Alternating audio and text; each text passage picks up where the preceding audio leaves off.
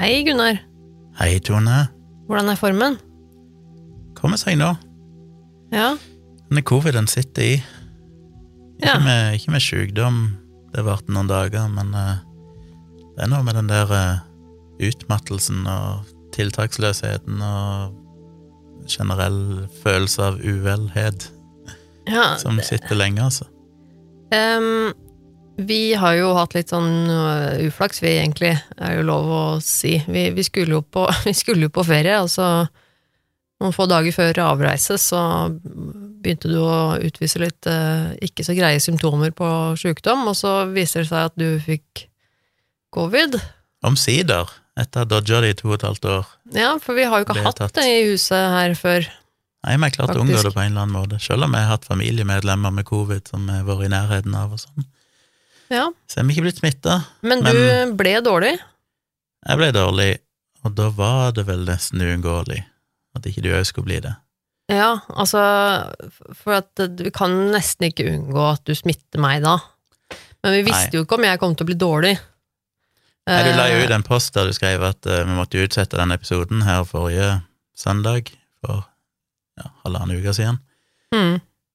Og så Ja, for det var altså hele, hele søndagen du, Jeg Ja, fikk jo ikke jo- kontakt med deg, jeg liksom. engang. Det var Altså, bare inn og ut av feberfantasi. ja, du var jeg helt eh, borte, stakkar. Eh, ikke bra. Så det, jeg skjønte jo fort at okay, det å spille inn noen podkast eh, nå snart, eh, i dag eller i morgen, liksom, det er ikke mulig. Det var ikke mulig, og det ble ikke mulig å reise på denne turen vi skulle på, som var veldig kjip. Den hadde vi jo planlagt lenge. Så, Men, den, eh, eh, så den boligledet avlyste eh, alt ble avlyst av ferietur og alt mulig, og du ble liggende strak, og jeg satt jo bare og ventet på å begynne å kjenne på symptomene. Dessverre så kom jo de etter hvert hos meg òg. Ja, Så derfor røyk jo søndagen etterpå òg. Ja. Fordi når jeg endelig var sånn noenlunde i form til å kanskje kunne ha spilt inn en episode, så lå plutselig du med Ja. veldig vondt i halsen og Vi har hatt litt forskjellige opplevelser av eh, covid. forskjellige symptomer, selv om jeg tipper det er samme viruset. Med mindre det er mutert kraftig i kroppen min før det Før det hoppet videre til meg. Men vi hadde veldig ulike symptomer. Ja, men det viser jo bare litt hvor fascinerende jævlig den eh, sjukdommen eh, her er. Eh, Det er, det er, og jeg testa meg jo først først én gang, jeg begynte å få litt symptomer, og da var testen, testen negativ, og så testa jeg meg igjen dagen etterpå, og da ble testen positiv, og så fikk vi litt forskjellige symptomer, og så har vi Altså, det er, det er en sykdom som er rett og slett eh, ganske bitch. Eh, det, Ja, det varierer si, jo veldig fra person til person, men jeg må si det er um, det, um, Nå har vi jo gått i liksom to og et halvt år, da, eh, og visste om denne sykdommen her, uten å ha hatt det, eh, du og jeg. Det er, no, det er noe Jeg fikk en, en slags ny respekt for denne sykdommen her, på en måte, når du, når du får kjenne på kroppen på et eller annet vis. Og ikke det at du og jeg eh, på noen som helst måte var livstruende syke, men bare, bare det lille holdt jeg som vi fikk smake på, har jo vært ille nok, syns jeg. Så det å tenke på at det faktisk er folk som eh, har blitt så dårlige at de eh, havnet på sykehus, og faktisk så mange i verden over har dødd av denne sykdommen her, det er ganske sånn, det er sånn ekkelt å tenke på når du sitter og har det i kroppen, liksom. Ja. For meg var det omtrent som de som da jeg hadde influensa før i tid. Jeg har ikke hatt influensa på fryktelig mange år nå, for jeg er vaksinert meg hvert år. Men da jeg var yngre, så fikk jeg alltid influensa. Da var det samme greia. Det var Mm. Høy feber, oppkast, vondt i kroppen, dreiv inn og ut av sånn feberfantasier. Det bare satt i lenge, så det var en flashback til det. Det var ikke noe hyggelig. Og det er på tross av at vi begge vel har tre vaksinedoser Ja, innabords, og gudene vekk oss, vi hadde hvordan hadde det gått hvis vi Ja. ikke hadde hatt det. jeg satt jo virkelig og tenkte det, den, men spesielt nå mens, du var dårlig, men du ble jo litt dårligere enn meg, men, Jeg er mye eldre enn deg, vet du. ja, men jeg satt jo og tenkte på det, eller Nesten herlighet, åssen Åssen hadde det gått med dette her hvis vi ikke hadde hatt de der vaksinene nå? Eh, ganske litt sånn ekkel, skummel tanke, altså. Men nok om det. Vi er iallfall tilbake igjen. Denne episoden kom jo på et litt utradisjonelt tidspunkt, men vi spilte den bare inn så fort vi følte at vi endelig var i form til å Ja. gjøre det. Eh, Akkurat nå er det onsdag 31. august. og tipper vi slipper episoden med en gang etterpå, Ja, vi får gjøre det. så den dukker vel opp i dag. Jeg merker at det jeg er noe litt sånn grumsete i hals og stemme enda. Jeg tror det høres litt, at jeg har en sånn, Ja, litt, sånn, litt, litt eh, sånn rar stemme. Men eh, jeg tror det er du som skal gjøre mesteparten av snakkinga i dag. Ja. Du har i hvert fall forberedt en, eh, en hendelse eller en historie her til oss, eh, har jeg skjønt. Som vanlig så minner vi på at vi har ei Facebook-side som heter Virkelig grusomt podkast. Følg gjerne den. Vi har jo en mailadresse som heter virkeliggrusomt at gmail.com, og der må dere bare fortsette å sende inn tips. Og i dag skal jeg eh, late som jeg er, fordi jeg var sjuk og måtte bare få dette her gjort, så begynte jeg å kikke på tipsbunker. For det vi printer jo ut alle på papir og legger det i en Det gjør vi virkelig ikke. Nei, Jeg kikka i innboksen og kikka litt nedover, og vi har fått et tips fra Maria, som sendte en sak, som jo inkludert en YouTube-video som jeg så. Det er alltid skal- et fin, fint tips å sende oss når du sender oss en YouTube-video. Ja, det er stress, for da må jeg jo se videoen, og det tar tid, og hvis den da viser seg å ikke være så interessant, så er det bortkasta tid. Men nå så jeg den videoen, og eh, fant en, en artikkel som egentlig oppsummerer det meste som jeg tenkte å ta for meg.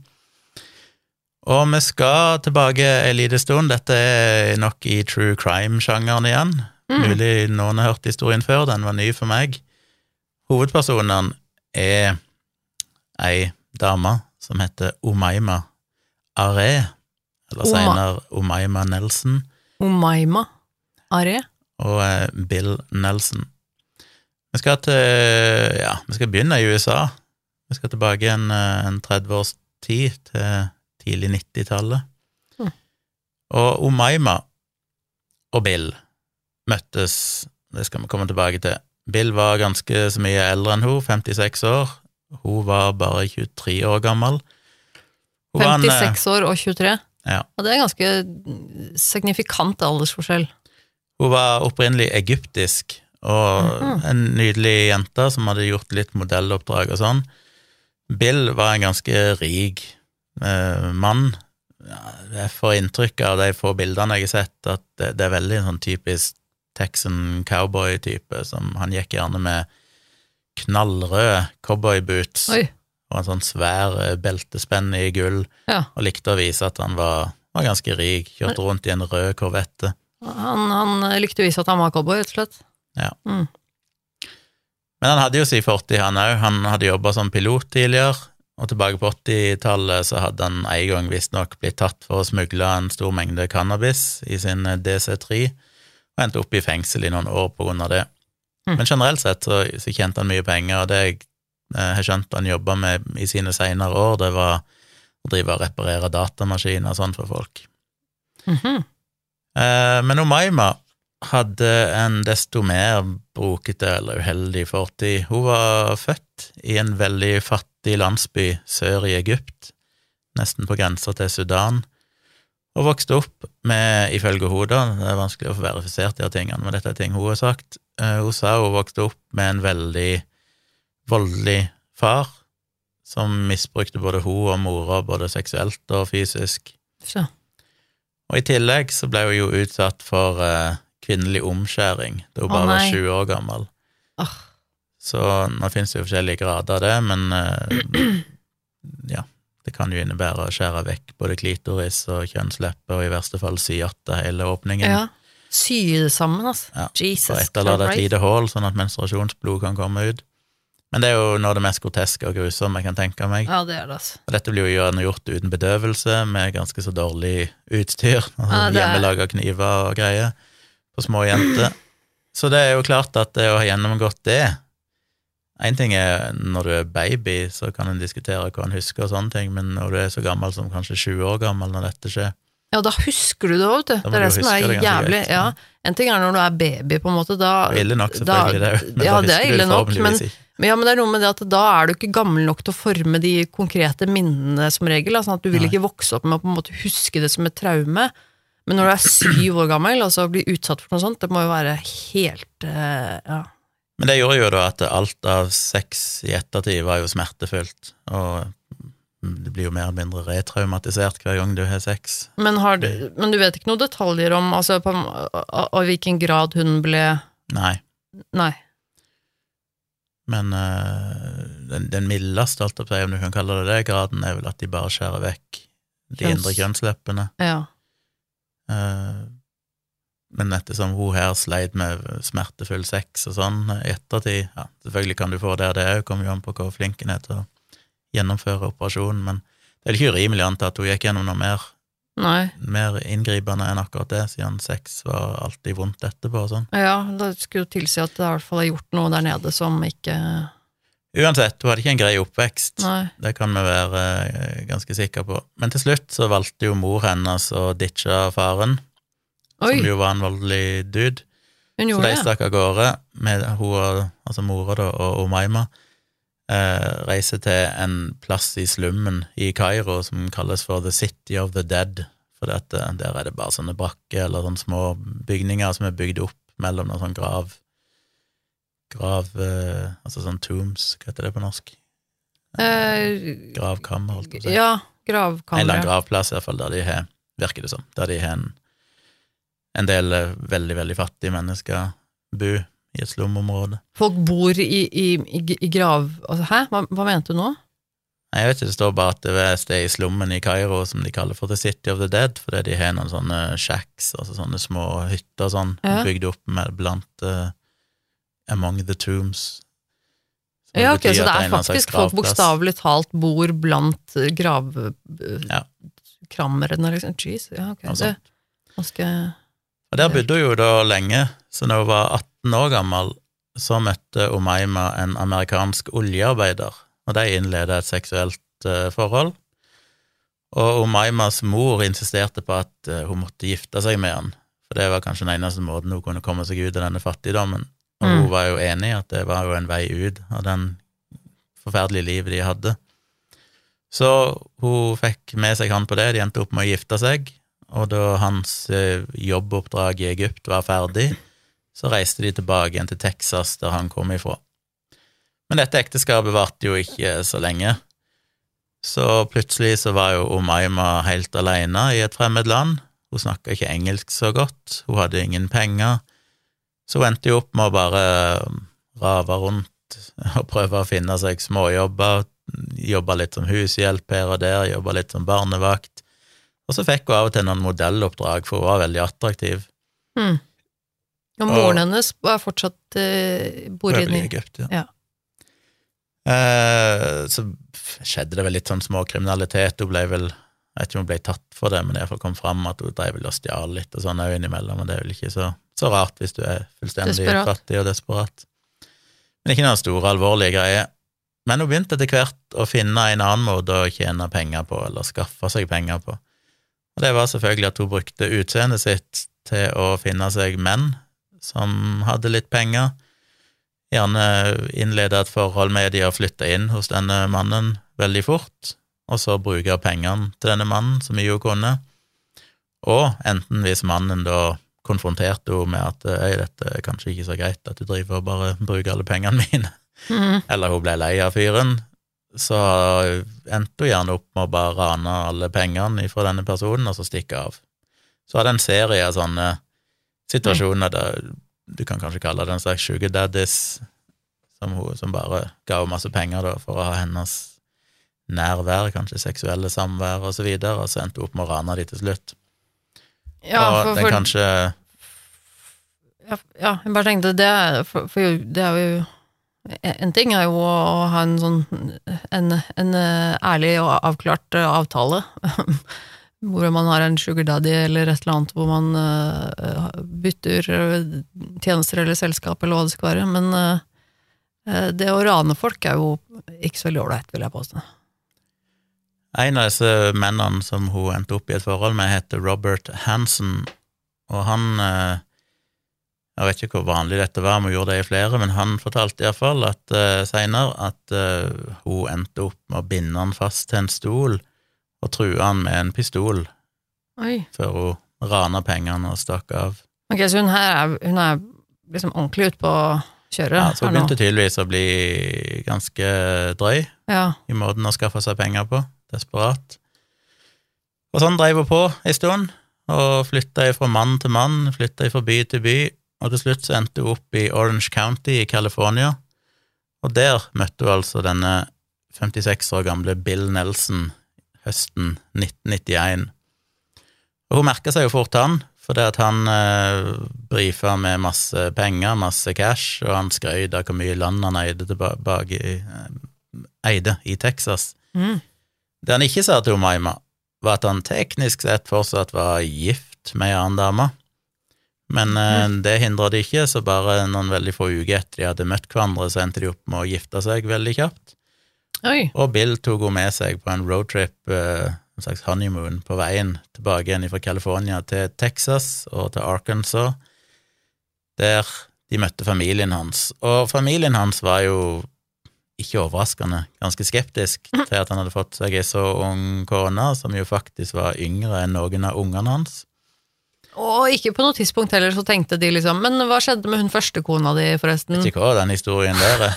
Eh, ikke sikkert de visste om henne, eller er, kanskje ja, han hadde har sagt at de var skilt. henne? Hva skjedde med deg og hun Anita? altså, nei, Gud, nei, merkelig. Jeg vet ikke hva som skjedde med andre kona. Nei. Men de ble nå iallfall gift.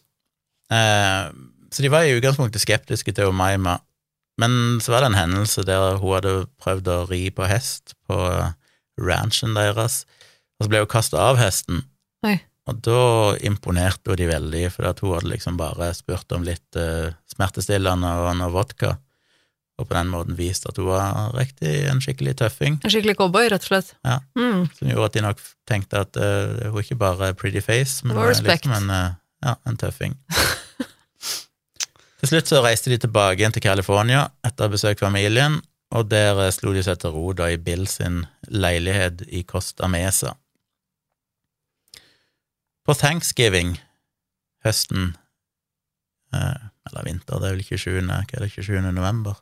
Ja. Som er thanksgiving. eh, I 1991 så snakka Bill med dattera si Margaret på telefonen, og da sa han til henne at alt gikk eh, så flott, og spurte om ikke hun ville komme og joine de til å spise middag på thanksgiving, men det ville hun ikke. Og det skulle bli den siste samtalen hun hadde med far sin. Fordi tre dager seinere, tidlig på morgenen, 1. desember, så var det en fyr som heter José Esquivel, som plutselig ble vekt opp av at noen sto og banka hardt på døra hans. Og da han kikka ut, så så han en rød korvette som var parkert på utsida. Men dette var en bil han ikke kjente igjen, så han åpna ikke, og gikk og la seg igjen. Og til slutt så slutta bankinga, og denne personen forsvant. Men så, noen timer seinere, rundt klokka ett på ettermiddagen, så kom denne røde korvetten tilbake igjen og banka på, og denne gangen så valgte han å åpne døra, og da han åpna, så så han Umayma, som var ei dame han hadde data ganske, ja, en liten kort periode et år tidligere. Det Mhm. var ikke helt tilfeldig at hun hadde valgt å oppsøke han. Og hun sto på utsida og grein, og hadde noen små sånne kutt i ansiktet og på hendene sine som han kunne se. Han fortalte José at mannen hennes hadde angrepet henne og voldtatt henne, så hun hadde måttet drepe han i selvforsvar. Ufta. Så fortsatte hun å fortelle han at hun òg hadde kutta opp kroppen i i beda, men trengte hjelp av han til å bli kvitt disse kroppsdelene. Ja, ja. Og hun sa til Hosei at hun ville gi han 75 000 dollar og to motorsykler hvis han bare ville hjelpe henne med å kvitte seg med dette liket. Og Hosei spilte med og sa at eh, ok, eh, jeg kommer til å møte deg ved leiligheten din om en liten stund, jeg skal bare fikse, med bare ordne og få tak på en, en truck eller en stor bil til å flytte alt dette her med. Så hun reiste tilbake igjen til leiligheten for å vente på han, og så fort hun hadde gått, så ringte jo han politiet. Herlighet! Nei, jeg drepte mannen min. Det var selvforsvar, altså, men nå har jeg kappet opp kroppen hans i mange deler. Altså, what?! Jeg vil gjerne at du hjelper Ja. meg, bare sånn at vi kvitter oss med dette her. Ja, det er ikke suspekt. Det var et smart valg av han å tenke at det er kanskje ikke verdt eh, de pengene. Nei. Det er kanskje bedre å holde seg utenfor dette her. Så han ringte politiet, og politiet møtte opp i leiligheten og fant Omaima sittende i denne korvetten, da, til denne røde korvetten, som egentlig var eid av Bill. Mm. Og på sida av henne, i passasjersetet, så var det noen søppelsekker, eller søppelposer. Og da politibetjentene kikka inn i dem, så så de det som ligna på menneskelige organer, Mm. indre organer, blant annet et sett med lunger med noen svarte flekker på, så de kunne se at dette var tydeligvis en fyr som hadde røykt en del. Så hun ble jo utspurt om dette her, men hun ga ganske sånn selvmotsigende og for forvirrende svar. Først så sa hun at disse organene var fra noen som Bill hadde drept, Aha. og så sa hun at Bill var bortreist på en businesstur i Florida. Eh, Så det var ikke helt sånn klart hva hun egentlig mente, men politiet fikk en eh, ransakelsesordre og gikk inn i Bill Nelson sin leilighet, og der fant de først en hel haug kasser med datamaskindeler, ettersom man jo drev og tjente penger på å reparere og selge datamaskiner hjemmefra. Ja. Men blant alle disse kassene så sto det noen eh, kofferter, og da de åpna koffertene, så fant de igjen noen søppelsekker, og når de så inni søppelsekkene, så fant de flere kroppsdeler. Yeah. De fant òg ei knust lampe og et strykejern som de fant rester av ja, både hår og blod på. Men de fortsatte å leide rundt i leiligheten, og da de kom inn i soverommet, så så de at madrassen på senga var helt gjennomtrukket av blod, og alle beina, eller hva kalles det, bedpost, de som stikker opp ifra senga, Å ja, sengeposter. hjørner. Altså de sånne, sånne høye stenger, på en måte, Ja. som er på hvert hjørne. Ja. alle de fire var, var knukket av. Ja, å ja. Og de kikka videre rundt i leiligheten, og da de kom inn på badet, så møtte de et ganske så grusomt syn, vil jeg anta. For der hang basically overkroppen Nei. av et menneske etter noen eh, kleshengere. Eh, huden var tatt av, alle innvollene var tatt ut, og hang over badet og bare dryppet ned blod i badekaret som om noen hadde ja, slakta et dyr og bare What? latt det henge der for å blø ut. Men da de kom inn på kjøkkenet, så fant de enda mer godsaker. I en sånn frityrsteigeovn, eller hva du kaller det, så fant de to menneskelige hender som fløy rundt i oljen der, Blanda sammen. Ja vel, ok. blanda sammen med en del kalkunkjøtt. Mm. Så to hender som var frityrstekte. Ja, av alle ting på en menneskekropp, hendene, ja. Det er kanskje det siste jeg ville valgt å spise, tror jeg. Nesten. I søppelkassen så fant de rester av eh, hoften på et menneske, igjen blanda med litt eh, kalkun og tranebærsaus. Da de kikka inn i fryseboksen, så så de først noen poser med frosne grønnsaker, men da de flytta litt på dem, så var det en svær, rund, et eller annet svært rundt objekt Mm. som var pakka inn i aluminiumsfolie.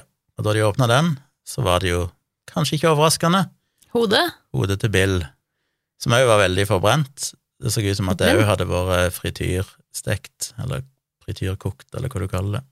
Ja, verden. Så et ganske så grusomt og brutalt syn. Eh, tilbake på politistasjonen så ble jo Omaima fortsatt intervjua, men hun drev og endra historien sin. Hun var veldig stressa, rava rundt og babla i vei. Av og til snakka hun som om Bill fortsatt var i live.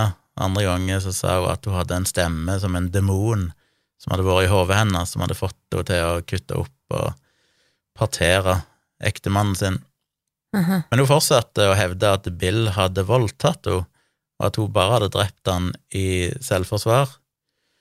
Men da hun da ble, senere ble undersøkt på et sykehus i nærheten, så fant de ingen tegn på at hun hadde vært utsatt for noe seksuelt overgrep.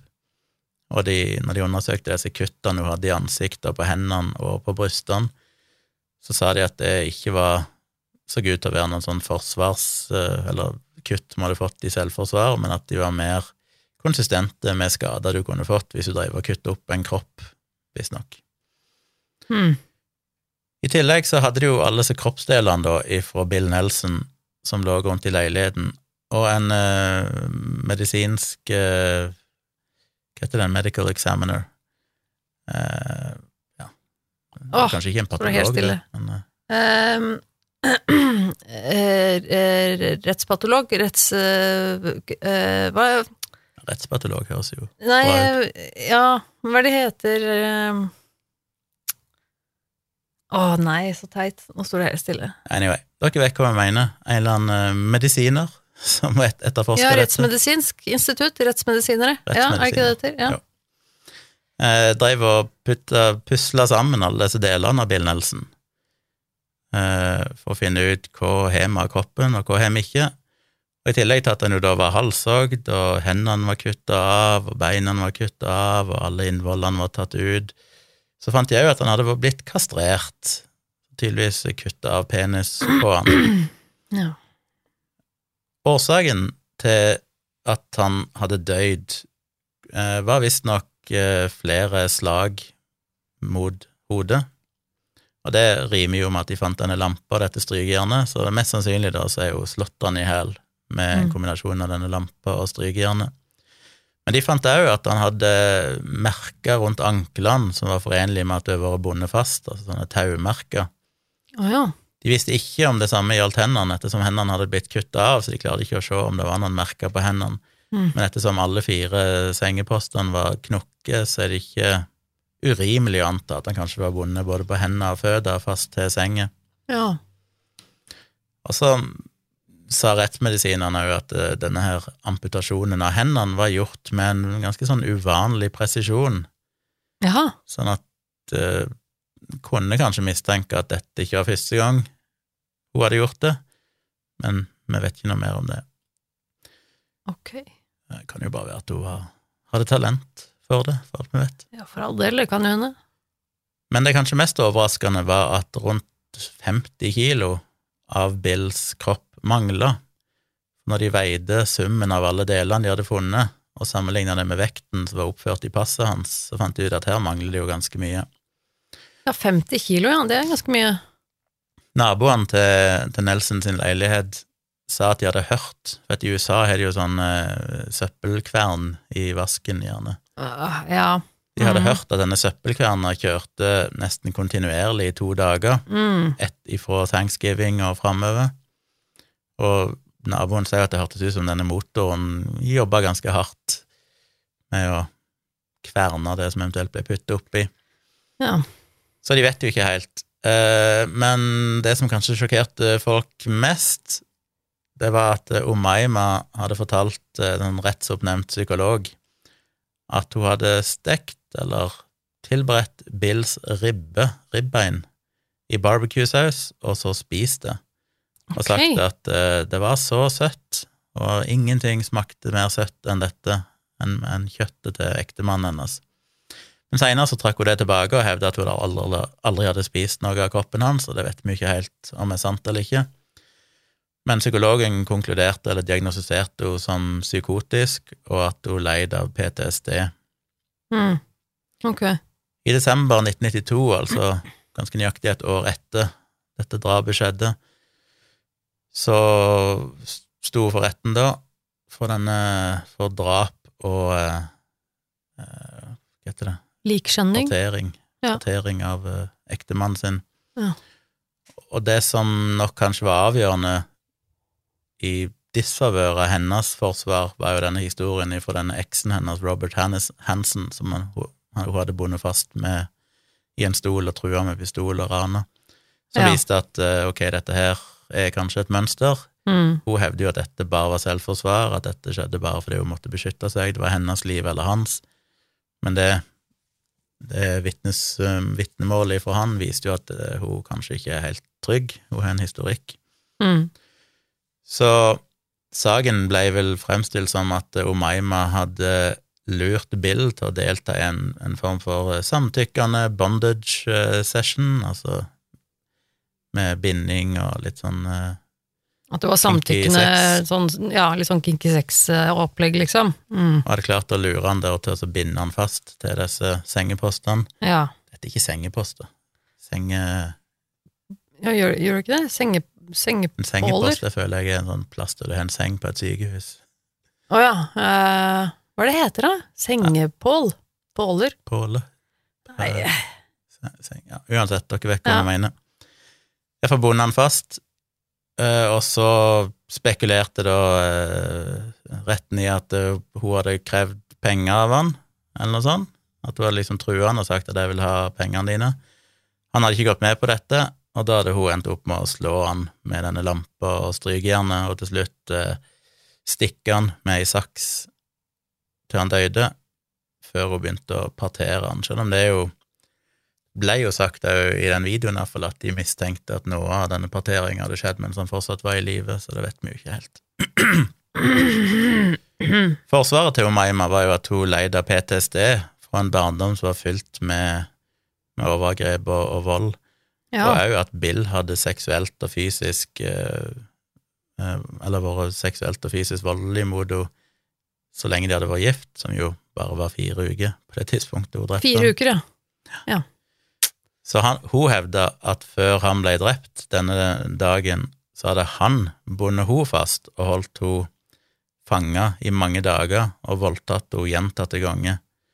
Så sa hun at hun hadde klart å få én arm løs fra denne her bindinga, og klart å slå han med denne lampa, og så stukket han med, med saks for å redde sitt eget liv. Mhm. Men hun sier at hun hadde ingen hukommelse av å ha partert han, det kunne hun ikke huske at hadde skjedd i det hele tatt. Nei. Så hevda hun òg under rettssaken at hun hadde blitt uh, fylt av noen sånne ånder fra gamle, ja, gamle egyptiske guder og ånder som hadde snakka til henne, og som hadde handla gjennom henne. Og det var disse her åndene som hadde fortalt at hun måtte drepe mannen sin og, og partere han, fordi at hvis hun parterte han og spredde levningene hennes over et stort område, så kunne han ikke komme til himmelen eller til noe afterlife. Levningene hans. Ja. Eh, ja, det, og hvis, hvis det stemmer at hun faktisk var eh, psykotisk, så kan jo det hende at det stemmer i hennes hode. Det vet man jo ikke. Altså, vi vet jo faktisk ikke helt sikkert hva som faktisk skjedde. Hun hevda at det var hun som var bundet fast, men de fant jo ingen tegn på hennes kropp til at hun egentlig hadde vært bundet, og tvert imot så fant de jo tegn på at han hadde vært bundet. Mm. Så det er jo lite sannsynlig at hennes versjon stemmer, Mm. spesielt når du da ser på historikken at du hadde rana mange av disse mennene tidligere, Ja. òg med, med trussel med pistol og sånn.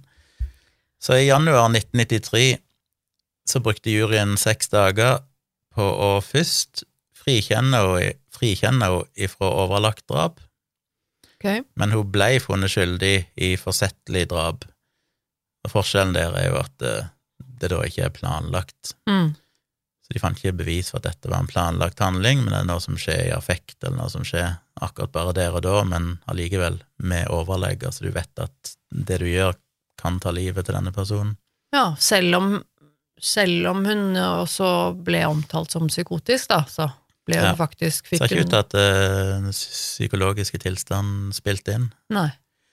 Hun ble jo dømt for å ha uh, angrepet denne her Ha- Hansen, som hun rana med pistol, Ja. og endte opp med å få et sted mellom 28 år til livsvarig fengsel.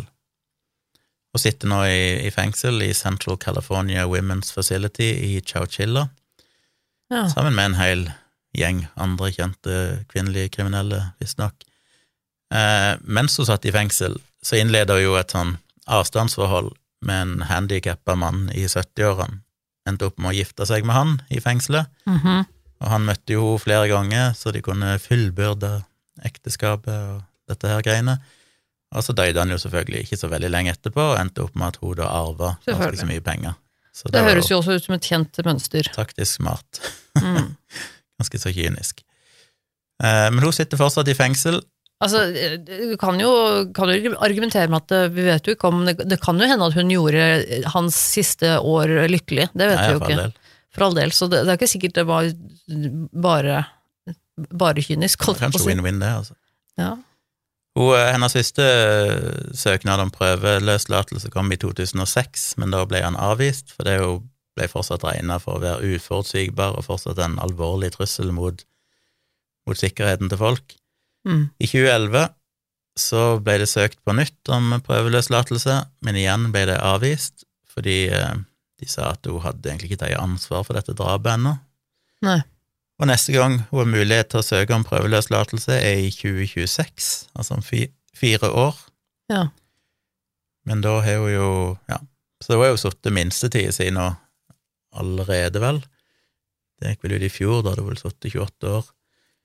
Mm. Eh, så nå er det jo egentlig bare spørsmålet om at hun blir sittende så lenge ja, helt til de mener at hun er trygg og slipper ut.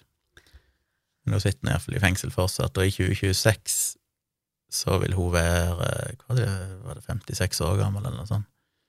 Jeg kan jo ikke påstå jo, at jeg Hvis hun slipper ut da, så er hun jo fortsatt et liv foran seg med mye Ja. penger. Så Men, eh, men det forutsetter jo at hun på et eller annet tidspunkt her faktisk eh, eh, kan vedkjenne seg det hun har gjort, og, og angre på det, og vise at hun på en måte faktisk eh, har endret seg. Og jeg tenker jo at eh, det, det er jo en long shot hvis du sitter i et amerikansk fengsel og ikke får noe behandling, eksempel. Nå vet jo ikke jeg noen ting om åssen det fengselet er og hvordan det funker, men, men uh, det høres jo ikke ut som hun øyeblikkelig kommer til å angre sine synder, uh, for å si det sånn, da.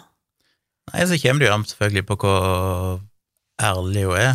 Om det er sånn er hun bare, spiller hun bare spill, vet hun hva hun gjorde, bla, bla, bla.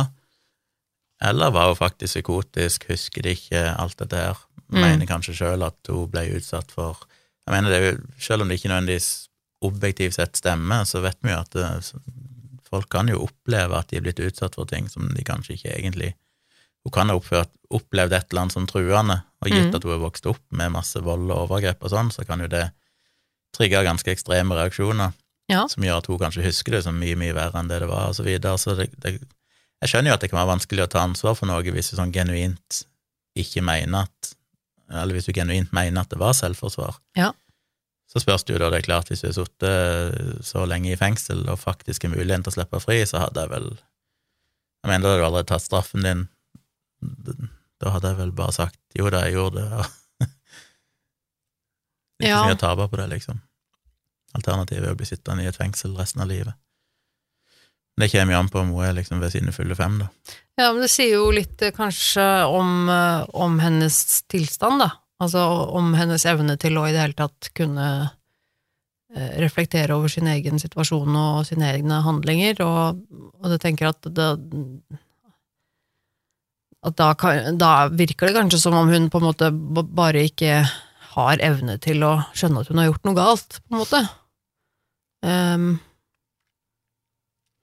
og det er jo ikke så rart om hun altså Med den bakgrunnen som du har fortalt om, så tenker jeg at det, dette er jo et menneske som Som har vært ganske ødelagt fra ganske tidlig alder, da. Ja. Av folk rundt seg. Altså når det er snakk om de primære omsorgspersonene som har sveket deg på det groveste, og og vokst opp i en sånn type forhold hvor det er både fysisk og psykisk eh, vold, vold og overgrep og sånne ting, så det, da har du det det er jo noe som skjer med deg da, og det, det er jo også, vi har snakket om det flere ganger før også, med, hvor det er tilfeller med hvor, hvor det kommer så tydelig fram dette her med at uh, du uh, Altså, at du er ikke uh, du er ikke født eh, som en ond person, men du må likevel på en måte på et eller annet tidspunkt lære deg hvordan du skal fungere med andre mennesker. Det er jo en god del av disse helt eh, helt avgjørende og kjempeviktige funksjonene som gjør at vi kan være sosiale vesener og empati og altså alle de tingene der, det er, jo, det er jo noe som utvikler seg mens vi er små. Og vi må Ja. på en måte få, få eh, eh, en, stimulering av den utviklingen på en, en god måte. Og hvis vi da på en måte bare får Ser jo det på ofte barn som, eh, som har oppvokst i et sånn type hjem, at det er, de, de sliter jo selv også med mye funksjon senere. Fordi Jeg tror det er det som er så vanskelig for folk flest å forstå når det gjelder sånne saker, fordi at vi alle vurderer det ut ifra sånn de aller, aller fleste av oss er det, og det at vi er vokst opp med mer eller mindre kjærlighet og tilknytning og en utvikla empati og en ganske sånn intuitiv forståelse av hva som er rett og galt, for det, mm, det er jo ikke noe du er født med, det er noe du lærer. mm, Så kan du tenke deg da, hvis du har vokst opp og har blitt utsatt for overgrep og vold hele tida fram til du er 18 år, bor under ekstrem fattigdom, der det sikkert har vært igjen masse vold og ikke hatt noe jobb, ikke hatt noe utdannelse, det du ser rundt deg er vel en slags høsling for å overleve. Det er Mm. liksom kriminalitet og selge sex og gjøre alt du kan bare for å overleve fra dag til dag. Det er klart, da vokser du opp med ganske sånn herpa begrepsapparat rundt Mm. både empati og tilknytning og kjærlighet og moral. Og så kommer du da til et annet land der du ikke kan språket, ikke har penger. Um, Ja, det, jeg må liksom se det, det, det rettferdiggjør jo ingenting. Men Nei, det men betyr det jo igjen jo- at det, føles alltid Du kan jo ha empati annet med- det likevel, på, på et vis. Altså, du kan, du kan tenke jo- at det kommer fra et sted, at det er et grunnlag for, for hennes oppførsel, selv om det på, måte, på ingen måte er greit, det hun gjorde, men man kan på en måte likevel um, ha en slags forståelse for hvor hun kommer fra, da. Ja. Jeg, tenker jo, For meg i hodet mitt så tenker jeg at det blir litt, det blir litt som jeg ser for meg mennesker som som eh, som dyr med bare sånn primale instinkter, og at det er noe som ligger i oss alle, men alt, alt det sofistikerte er noe vi får lagt oppå oss, på en måte. Alle dette sosiale eh, skills og normer og moral og, og empati, alt dette her på en måte er ting vi som på en måte blir lagt oppå oss som sånn lag som gjør at vi fungerer eh, med andre mennesker rundt oss. Jeg tenker liksom, jeg ser for meg henne og den oppveksten der, så tenker jeg at det, at det er helt sånn mangel på de der eh, sofistikerte liksom, eh, funksjonene og, og tankene og fungeringen. At du blir bare en sånn primalinstinktdyr eh, som på en måte eksisterer i en slags desperasjon. da. At det blir en sånn overlevelsesfokus, på en måte. At alt rundt deg, at verden er skadelig og, og, og skader deg. At du blir sånn opptatt av eh, å overleve og komme deg videre og skaffe deg ressurser, skaffe mat, overleve. At det blir en, sånn der, en veldig sånn hard eh, desperasjon. Eh, den type måte å leve på, så jeg mener. Altså at når du måte har hatt hatt det siden du var liten, så tenker jeg at det er ikke så lett å bare Du kan ikke bare få, få de der andre sofistikerte lagene påbygget etter hvert på, uten videre heller, på en måte. Alt handler jo om å overleve. Så det er vanskelig å sette seg inn i den mentaliteten. Vi kan tenke deg når hun er i USA, og da finner disse mennene. Mm. For oss vil jo tenke liksom eh, forelskelse eller en eller annen form for tilknytning, alt dette her, at det er ting som er naturlig, det er det som er drivkraften. Mm. For hun så var det kanskje ikke det. Hun har aldri Nei. opplevd det. Det hun ser, er bare en, en mulighet til å få penger. Ja. For det eneste målet hun er, det er å komme seg videre til neste dag med penger. Jeg vil jo også tenke at, at det er hun har ikke noe begrep om det der. Nå spekulerer vi jo selvfølgelig Ja. men ikke sikkert hun har noe utvikla begrepsapparat rundt det å faktisk føle empati og kjærlighet for en person, for det er ikke noe hun har Nei, og i hvert fall ikke det som et grunnlag. med. For jeg, tenker jo at eh, det er selvfølgelig som du sier, bare som spekulasjon selvfølgelig, men jeg tenker jo at eh, ut fra hennes perspektiv så, så kan jo så, så at dette her med å finne en mann øh, og, og, og gifte seg for penger, at dette er noe hun gjør på en måte fordi at det er det, det trenger hun. Altså at dette er noe som, øh, som er overlevelse. Det er sånn man gjør det for å overleve. For, altså det er, for å overleve så må man ha en, en person som har penger, for da må man kjøpe mat, og okay, da må man eh, søke opp en person som har penger, og så må man uh, sørge for at denne personen vil gi meg penger. Uh, at det blir en sånn at det blir en overlevelse, og at det blir en, en, eh, en, en sånn praktisk oppgave om overlevelse i forhold til å faktisk, som vi andre på en måte kanskje vil tenke at eh, vi skal finne en partner fordi vi vil være glad i noen. Mm. Altså, hun har helt andre type eh, prioriteringer, helt annen type grunnlag, og, og jeg tenker at det Øh, Det høres ut som et fortvilet liv, altså. Eh, og det, det, Jeg syns fortsatt uh, hun slapp billig unna i den forstand at hun bare ble dømt til forsettlig drap.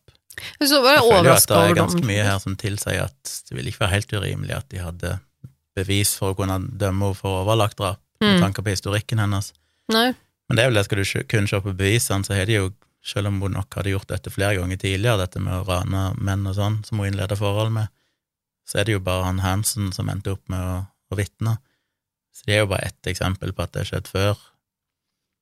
Så kanskje det ikke er nok til at de kan si at dette, det var planen hun hadde med Bill òg. Ja, eller kanskje, de, kanskje det er der den vurderingen av, av psyken hennes kom inn, at de så at hun var At hun hadde dårlig syke, at hun hadde Altså, jeg vet ikke, at hun var på en måte skadet på et eller annet vis. eh, Og at de Men derfor igjen, når han tenkte hadde at hun merka at det var bundet fast og sånn rundt anklene og alt dette her, så er det jo Ja. Nei, det er vanskelig å vite hva vurderingen er, men hun Fikk nå en streng nok straff uansett, 28 år som minimum. Det er jo strengere enn du får i Norge, uansett. Ja. har. Jeg var bare overraska over at den var såpass lav til å være i USA. Jeg Ja, det er jo two life, så det er jo teknisk sett en livstidsdom, men du kan søke Ja. om prøveløslatelse. Så hun kan jo sitte inne resten av livet, Ja, liksom. det kommer hun sikkert til å gjøre. altså, det Ja, overrasker meg ikke da, om hun gjør det, bare for å si det sånn, da. Men uh... Noen av dere som hører på, får minne dere på dette i 2026, og sjekke hvordan det gikk neste gang hun søker. For det er jeg faktisk nysgjerrig på, men uh, kommer sannsynligvis til å ha glemt det vekk innen den tid. Men ja, det var historien. det er veldig om, eh, fascinerende. Omaima Nelson. En klassisk true crime, Ja. men ganske så grotesk at du kan gå så langt. Én ting er å drepe noen i affekt, men det er jo hele, hele det der eh, greien etterpå. Det er så systematisk partere. Dette med at hun kokte frityrstekte hendene, hevda hun sjøl var fordi hun ville fjerne fingeravtrykkene. Mm, Kanskje hun frityrstekte Mm. hodet fordi hun ville prøve å gjøre han ugjenkjennelig. Ja, det liksom kan det, det kan hende. Så det var jo ikke for å spise de, det var Nei. for å Nei da, det, det jeg, kan hevda jo å ha spist deler av han, selv om vi vet ikke hva som skjedde med hele kroppen hans. Men jeg tenker jo også at det eh, At det For- én ting er jo å, å drepe noen. Jeg har aldri drept noen, men jeg tenker at det det, det, skal sikkert en del til. Altså det, å, det å drepe noen tror jeg sitter ganske langt inne for de fleste av oss, heldigvis. Eh, Så bare det å gjøre det er jo et forholdsvis eh, eh, altså drastisk tiltak, vil jeg si. Men, men det å da eventuelt drepe noen på et grusomt vis ved å partere dem mens de fortsatt er levende, eh, muligens, eller i hvert fall å partere dem etterpå og på en måte behandle kroppen til vedkommende på den måten etter at de er døde, det sier jo ganske mye da, om hennes sinnstilstand og hva hun på en måte da ikke er kapabel til å føle av empati eller Så hun holdt jo på i to til tre dager med dette. Så ja, det er bare å drive på i dagevis Ja. med å partere og Fordi at det er, det er Det nesten også i seg selv er liksom handlinger som for de fleste av oss vil være altså så frastøtende og motbydelig å drive med, at det er på en måte Det, det også er eh, bevis på et ganske sånn forstyrra, forstyrra sinn, og en veldig mangel på eh, ja, på mye rart. Det med at hun Eh, kastrerte han, det var jo visstnok selvfølgelig som en slags hevn for eh, det kan jeg at han hadde meg. voldtatt henne. Ja. Hvis en kjøper den, så kan jo det være et tegn på at ja, kanskje han gjorde det. Kanskje han ikke var noe særlig grei mann. kanskje det hadde skjedd ting. Kan Men det selvfølgelig bare ha vært planlagt at det skulle være en slags dekkeoperasjon. Men, men det kan godt hende at hun, at hun hadde et slags, en slags eh, oppfatning om at dette gjelder alle menn, liksom.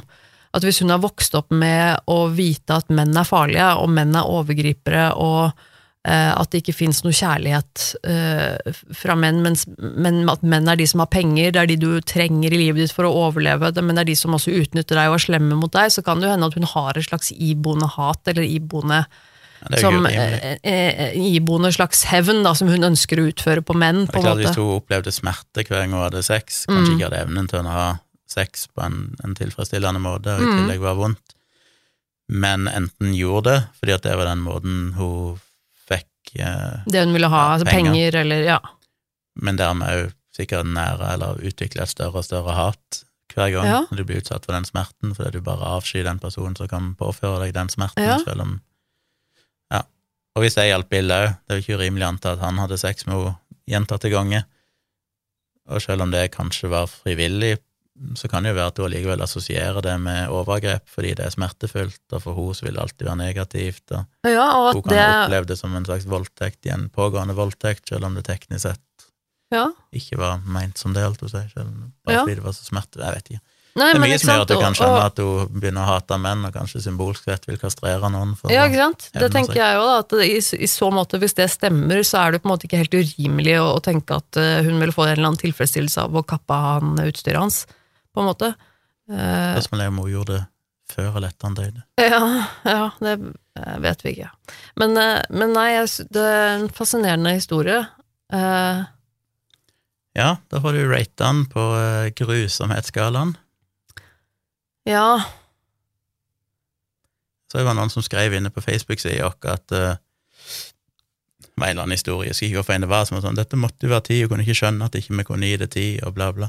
ja, Men jeg må huske på at når mye av disse her vurderingene Du kan altså, ikke gi tid til alt. hver historie kunne jo ofte vært ti, fordi de er jo per definisjon grusomme. Ja. Men vi prøver jo å se de litt sånn i relasjon til hverandre. Hvor mange ofre er det, hvor lang, lenge varte det, hvor mye lidelse var det, alt dette her. Det er jo helt absurd, men det er jo det, litt av av som det gøy. som er noen av de blir lavere, selv om de teknisk sett, isolert sett, er en tier uansett. Det er jo nesten alle historiene her. Ja. Bare det at det er en grusomhetsskala, det er jo på en måte det. Ja. det, er, Det betyr men, ikke at eh, de, om vi gir det en femmer eller sekser, så er det jo fortsatt veldig grusomt. Ja. Nei, men jeg tror ehm, hun eh, Det er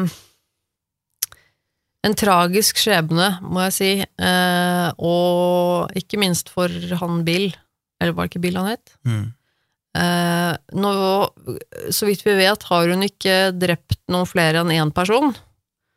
Ehm, men likevel det, er jo ganske motbydelige greier hun eh, presterte å gjøre. Eh, jeg tenker jeg havner, den havner kanskje på en eh, sju. Sju, tror jeg. Ja, det som er formildende omstendighet, er jo bare at det var bare ett offer, det var én hendelse. Eh, Vi har jo som sagt hatt mange historier før der det har vært mange mange offer over lang tid, og det har vært tortur Ja, det har vært over lang eh, tid. tortur over lang tid, det har vært barn som har vært involvert tidligere, det har vært eh, Forhåpentligvis så døde vel Bill relativt kjapt, Ja, vi får håpe det. og så er det mye grusomt som skjedde etterpå, men da var han tross alt død, så det er mer bare Ja. sånn ekkelt, det er ikke nødvendigvis noe lidelse involvert. Og så er det selvfølgelig tragisk dette som skjedde med henne også. Altså, det, det spiller jo inn det også, for min del, at det, at det er uh, utrolig kjipt og, og vondt uh, å høre om det. Så uh, ja, jeg, jeg tror sju. Hadde, utsatt, hadde jeg vært kvinne og blitt utsatt for den type omskjæring, så hadde jeg jo følt en, en trang til å kastrere alle menn oh, resten av livet. Fy fader, ass. Ja, det er så umenneskelige greier. Åh. Um, ja, hva sa du nå, forresten? Sa du en Ja, jeg tror jeg er enig om sju. Ja. Kan du gjerne sende si sende oss Send oss ditt svar! Nei, men eh, du der ute som hører på, du kan gjerne rate på grusomhetsskalaen sjøl hvis du vil, fordi når vi legger ut podkasten, så legger vi også ut en post på Facebook-siden vår med litt eh, bildereferanser og, og linker, ikke minst, for de som har lyst til å sjekke ut eh, litt nærmere om saken, og da kan du også kommentere på, på den Facebook-posten, og gjerne hva du tenker om saken, om du hadde hørt den før, og gjerne også hvilken, eh, hvilken eh, skala, holdt jeg på å si, hvilken, hvilket nummer på skalaen du ville gitt den. Ja. Og linkene finner du òg selvfølgelig i shownotes i selve podkasten. Enten det du hører på Spotify eller i en podkast-app eller inne på Untold eller noe sånt, så finner du det i teksten. Så da får vi se om vi klarer å komme med Det er mulig neste episode òg blir bitte grann forsinka. Ja, Det er mulig vi er vekke i helga, men det, en, det skal komme, hvis ikke noe kommer i veien, en episode i neste uke òg. ja. Så eh, vi prøver å komme inn igjen i vanlig rute nå som helsa begynner å komme tilbake igjen, og ferie og alt dette her. det er planen. Men eh, tusen takk for at du har hørt på. Atter en episode. Husk å rate and review, som de sier. Husk å sjekke ut andre. eh, våre alternative podcaster. Eh, Nerve heter min podkast, og Gunnar sin heter Tomprat. Så er vi jo en, en podkast som heter Dialogisk, som både meg og Tone er med på, sammen med Dag Sørås. Sjekk ut den òg. Den kommer ikke ut så ofte lenger, men i ny og ne. Verdt å ta en, en, lytt. Det er det. Takk for alle tilbakemeldinger og tips som dere sender inn, og fortsett å gjøre det. Og så høres vi, da. For, for, um, forhåpentligvis, var det jeg skulle si nå, eh, om en uke. Ikke om en uke, men i neste uke. Ja, om en, om en ukes uke. tid, kan man si. Ja. Vi får se. Ha det. Ha det.